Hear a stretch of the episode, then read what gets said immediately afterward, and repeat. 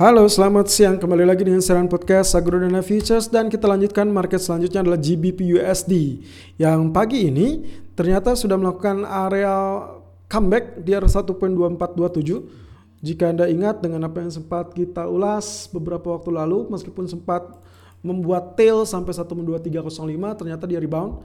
Ini after kejadian BOE dan pagi ini kita di, di, disodori dengan kemungkinan potensi uh, well let's see ini mungkin saja diasumsikan sebagai market discount karena kemungkinan pembicaraan dari negosiasi antara Inggris ataupun ini Eropa dianggapnya sesuatu hal yang uh, membuka harapan, jalur harapan. Meskipun kalau kita lihat dari agenda-agendanya selama satu pekan ke depan ini banyaknya orang yang cenderung uh, meragukan mereka akan menemukan kesepakatan bahkan bisa saja terjadi kendala kembali. Nah, itu yang akan mengakibatkan potensinya akan kembali turun.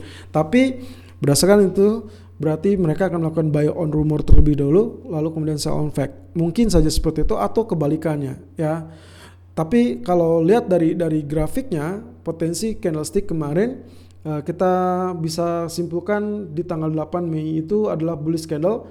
Lalu kalau kita padu padankan tiga candle terakhir tanggal uh, 6 ya 6 7 8 maka itu kita sebutnya dengan uh, morning star ya morning star uh, formation jadi kalau morning star formation hari ini akan cenderungnya adalah didominasi dengan bullish candle so kita akan lihat potensi tersebut bisa efektif apa tidak terutama pembukaannya dimulai jam 8 malam ya oke untuk agendanya saya sudah sortir dan juga anda bisa simak di channel YouTube kami untuk forex hari ini. Ya, saya sudah sudah sudah berikan uh, outlooknya. Lalu kemudian kalau kita lihat dari Fibonacci retracement 61.8% adalah 1.2516 rasa-rasanya masih memungkinkan untuk terbuka ke jalur tersebut ya. Sementara ini areal running price masih di 1.2425 uh, high 1.2435 dan low 1.2398 masih cukup flat.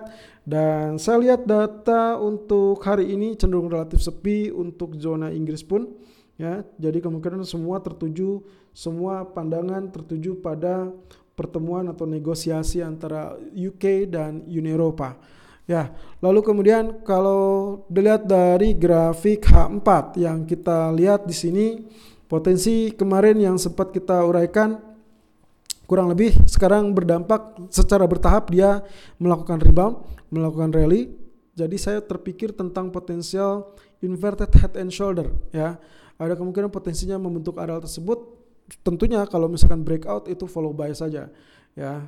Tapi untuk hari ini saya kecenderungannya untuk melakukan buy on di kisaran 1.2390 ataupun 1.2409 jadi kurang lebih nanti kalau ada uh, koreksi kurang lebih di dekat area tersebut silakan lakukan buy.